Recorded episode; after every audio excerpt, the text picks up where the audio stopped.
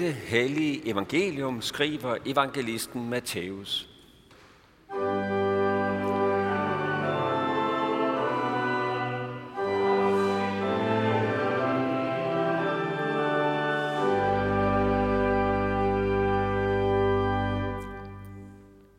Jesus sagde, I har hørt, at der er sagt, du skal elske din næste og hade din fjende.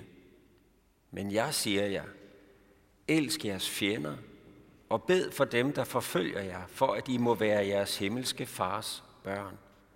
For han lader sin sol stå op over onde og gode, og lader det regne over retfærdige og uretfærdige.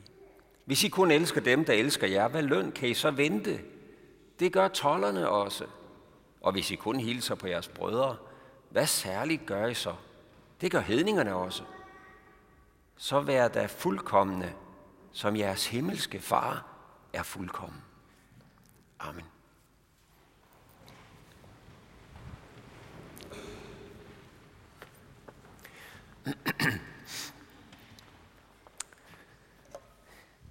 Jeg ved ikke, om der er nogen af jer, der ser Netflix en gang imellem.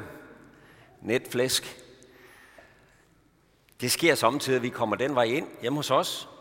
Og øh, der så jeg lige den anden dag, at øh, ja, I ved jo godt, at øh, filmene der, ja, nogle af jer ved det i hvert fald, at de er sorteret under genre-overskrifter. Så er der komedier, så er der familiefilm, så er der krimier, så er der action osv. Den anden dag var der en ny kategori, opdagede jeg. Film, der handler om hævn. Og det her tema, det fylder der også utrolig meget, hvis man sådan kigger lige hen over sådan en sendeflade. Øh, ikke kun på netflæsk.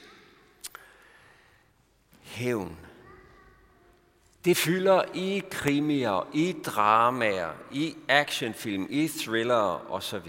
Og ofte så får historien øh, den twist, at forbryderen der til sidst han lider en voldsom død eller et eller andet, der matcher de forbrydelser, han har udsat andre for.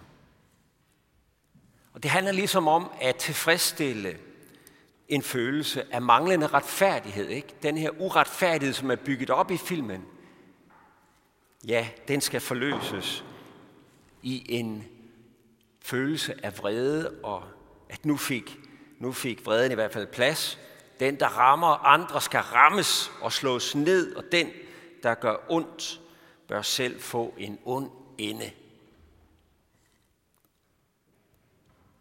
Så hvad er det, Jesus har gang i?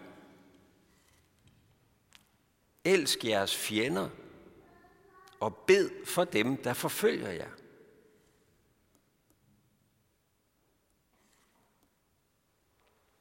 Jesus han øh, talte faktisk ikke om abstrakte fjender, sådan romantiserede fjender. Der var konkrete fjender nok. Lige omkring de mennesker, der lyttede til Jesus. Måske stod der endda nogle romerske soldater der på bjerget. Fordi landet var jo besat, og det kunne godt tænkes, at nogen de lige skulle se, øh, hvor hele den her folkemængde de skulle hen og holde øje med udviklingen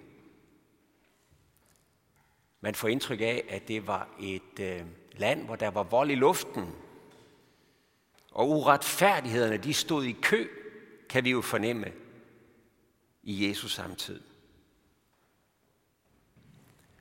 Så hvis vi skal prøve at forstå, hvor radikalt det er, det Jesus siger. Ja, Netflix, det giver os en, en fornemmelse af det, men vi kunne jo bare prøve at flytte konteksten et andet sted hen. I stedet for at stå på bjerget der ved Genesrets sø og kigge ud over den smukke udsigt, så kunne vi tage til Boccia i Ukraine og stille os der og lytte til Jesu ord. Så er vi i den rigtige kontekst.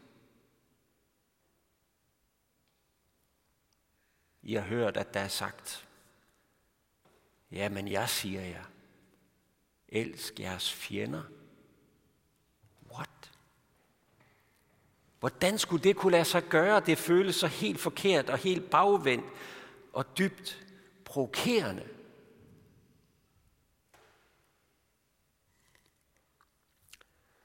Her er det måske vigtigt at få sagt, hvad Jesus ikke siger. Han siger ikke, at man skal lægge våbnen ned og holde op med at forsvare sin familie eller sit land. Bestemt ikke. Det er ikke det, han siger.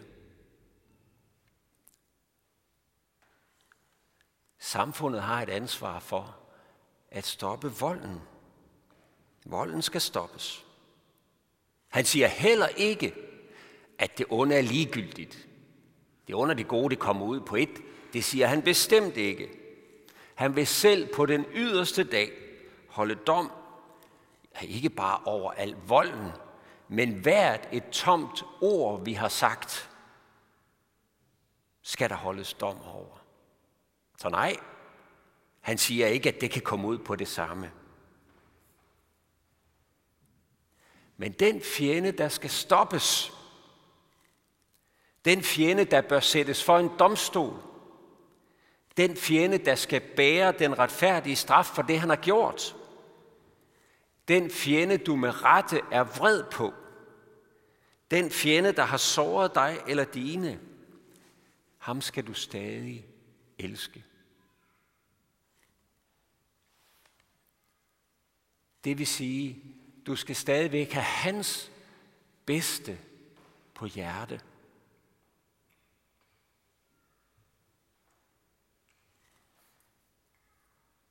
Men det virker stadigvæk urimeligt, ikke? Elsk din næste og had din fjende. Det giver mening. Og det driver Netflix's univers. Men elsk din fjende. Hvis vi så alligevel går lidt med på tanken og følger Jesus lidt på vej her, så kunne man jo prøve at spørge, hvad nu hvis vi holdt fast i Netflix-perspektivet? Elsk din næste, men had din fjende. Hvad gør det ved os? Hvor sætter det os hen? Hvad hvis vi følger den vej? Hvad gør hævnen ved os? Gør den noget godt ved os? Sætter vreden os fri? Sætter hadet os fri? Sætter hævnen os fri? Nej, det gør den ikke. Og hvis vi nu skal give kærligheden stemme, hvis vi nu vi skal elske nogen som helst,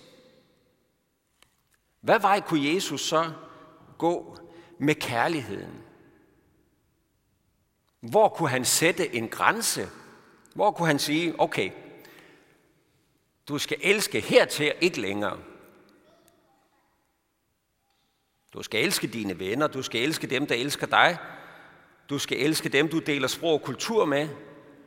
Du skal elske dem, du deler tro med, men ikke længere, kun dertil. Vil det give mening? Elsk den, der gengælder dig med kærlighed. Jamen altså, så ville kærlighedens magt jo være punkteret. Det ville være en cykel med flade hjul. Kan kærligheden sådan bare finde en grænse, støde på en grænse, og er det så kærlighed?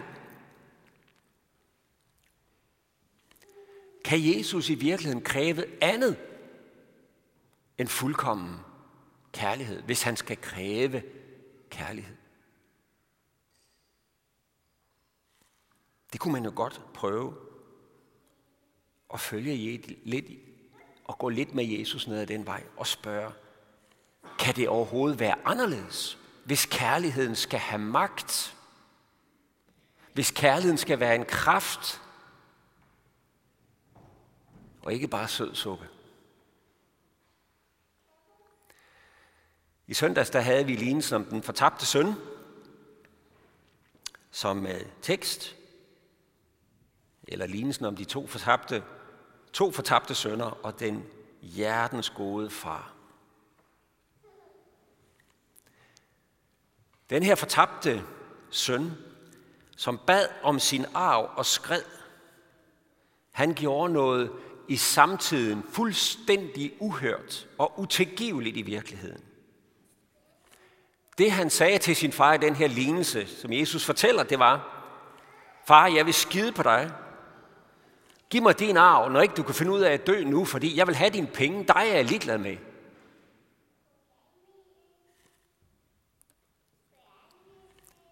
Det var det, han sagde. Du er et nul for mig. Dine penge, det er det eneste, jeg vil have af dig. Den her søn i lignelsen, han påfører sin far tab, skam og ydmygelse, som er helt utænkelig og var det utænkelige i samtiden. Alligevel så finder vi en far i den her lignelse, der sætter sin søn fri, som ikke slår igen i retfærdig harme, som ikke søger hævn, som stadig elsker sin søn, som venter på ham, håber på ham, længes efter ham, håber på forsoning, vil sin søn det bedste. Han lod ham ikke blive en fjende.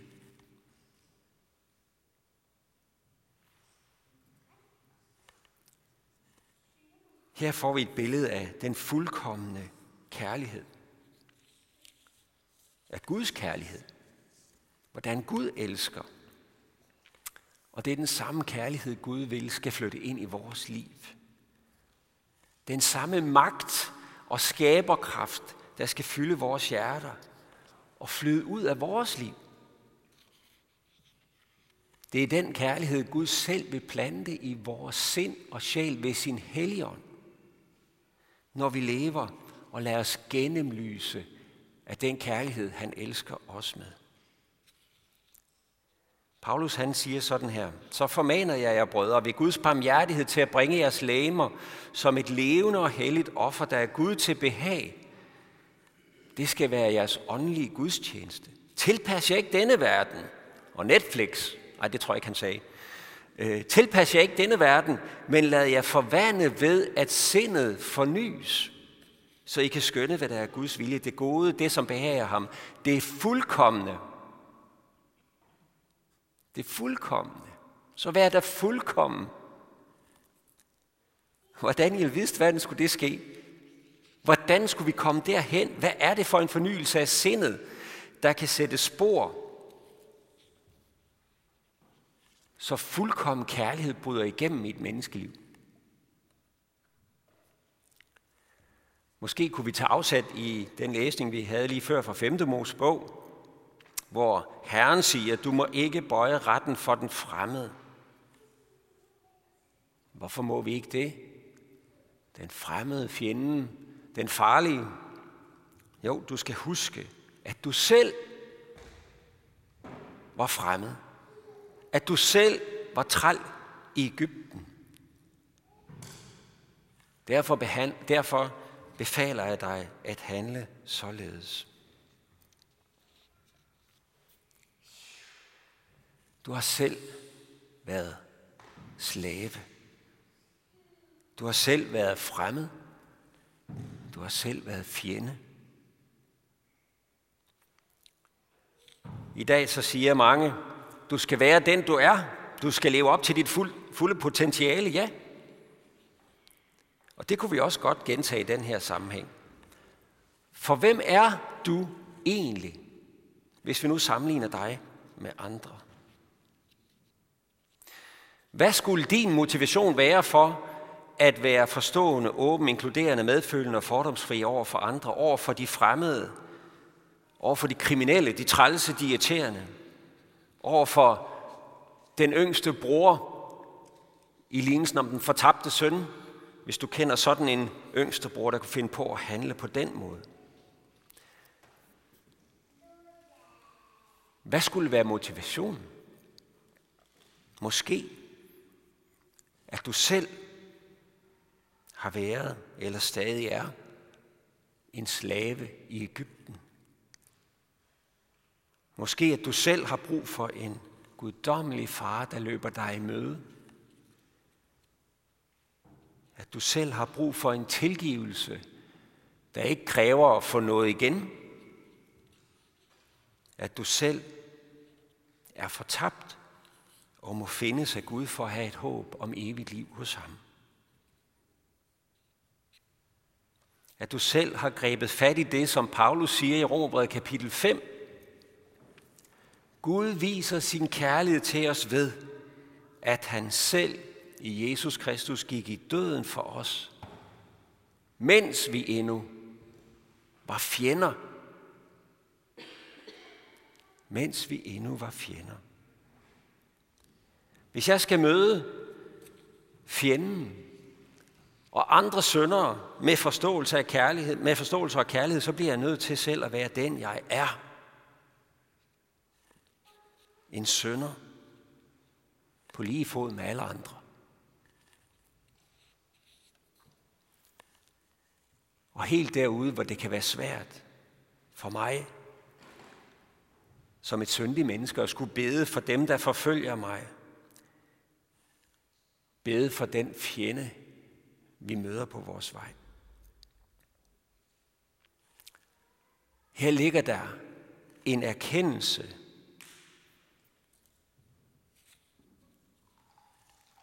der kan blive basis for at lade sig elske af en grænseløs kærlighed. Guds kærlighed. Og tag den ind i sit liv, og lad den blive til motivation for at elske næsten. Så kan det godt være, at jeg stadig ikke må sige som Paulus. Ikke at jeg allerede har grebet det, eller allerede er blevet fuldkommen, men jeg jager efter det, om jeg virkelig kunne gribe det, fordi jeg selv er grebet af Kristus Jesus. Fordi jeg selv er grebet af ham, der elskede fjenden og ville ham det bedste, og som ikke ville lade vreden og hadet vinde, men ville lade kærlighedens magt vinde sejr. Kan det virkelig, kan det virkelig blive virkelighed i mit liv? Jeg vil gerne slutte med at fortælle et vidnesbyrd, som jeg stødte på på netkonventet den anden dag, hvor en havde bragt den her historie fra Philip Janses bog, Vink fra en anden verden fra 2003.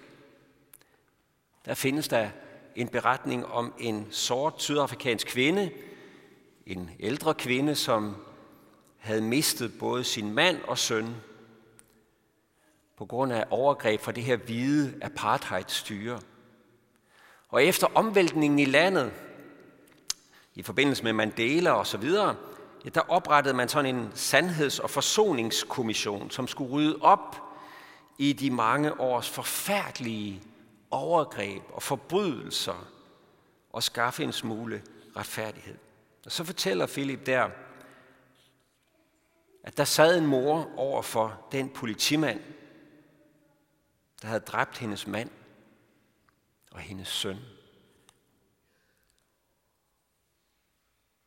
Han havde taget hendes mulighed for at elske sin mand og sin søn fra hende. Hendes kærlighed var blevet hjemløs. Hvad ønskede hun så af den her morder? Ja, det første det var, at han skulle skaffe så meget aske fra afbrændingen af dem, så hun kunne få en begravelse. Han skulle finde det sted, hvor de var blevet brændt, og skaffe aske af hendes elskede mand og søn.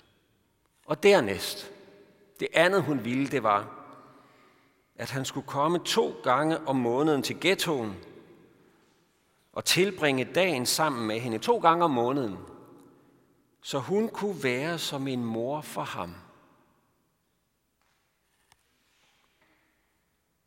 Og så sagde hun, Mr. van de Broek, som politimanden hed, skal vide, at Gud har tilgivet ham, at jeg også tilgiver ham.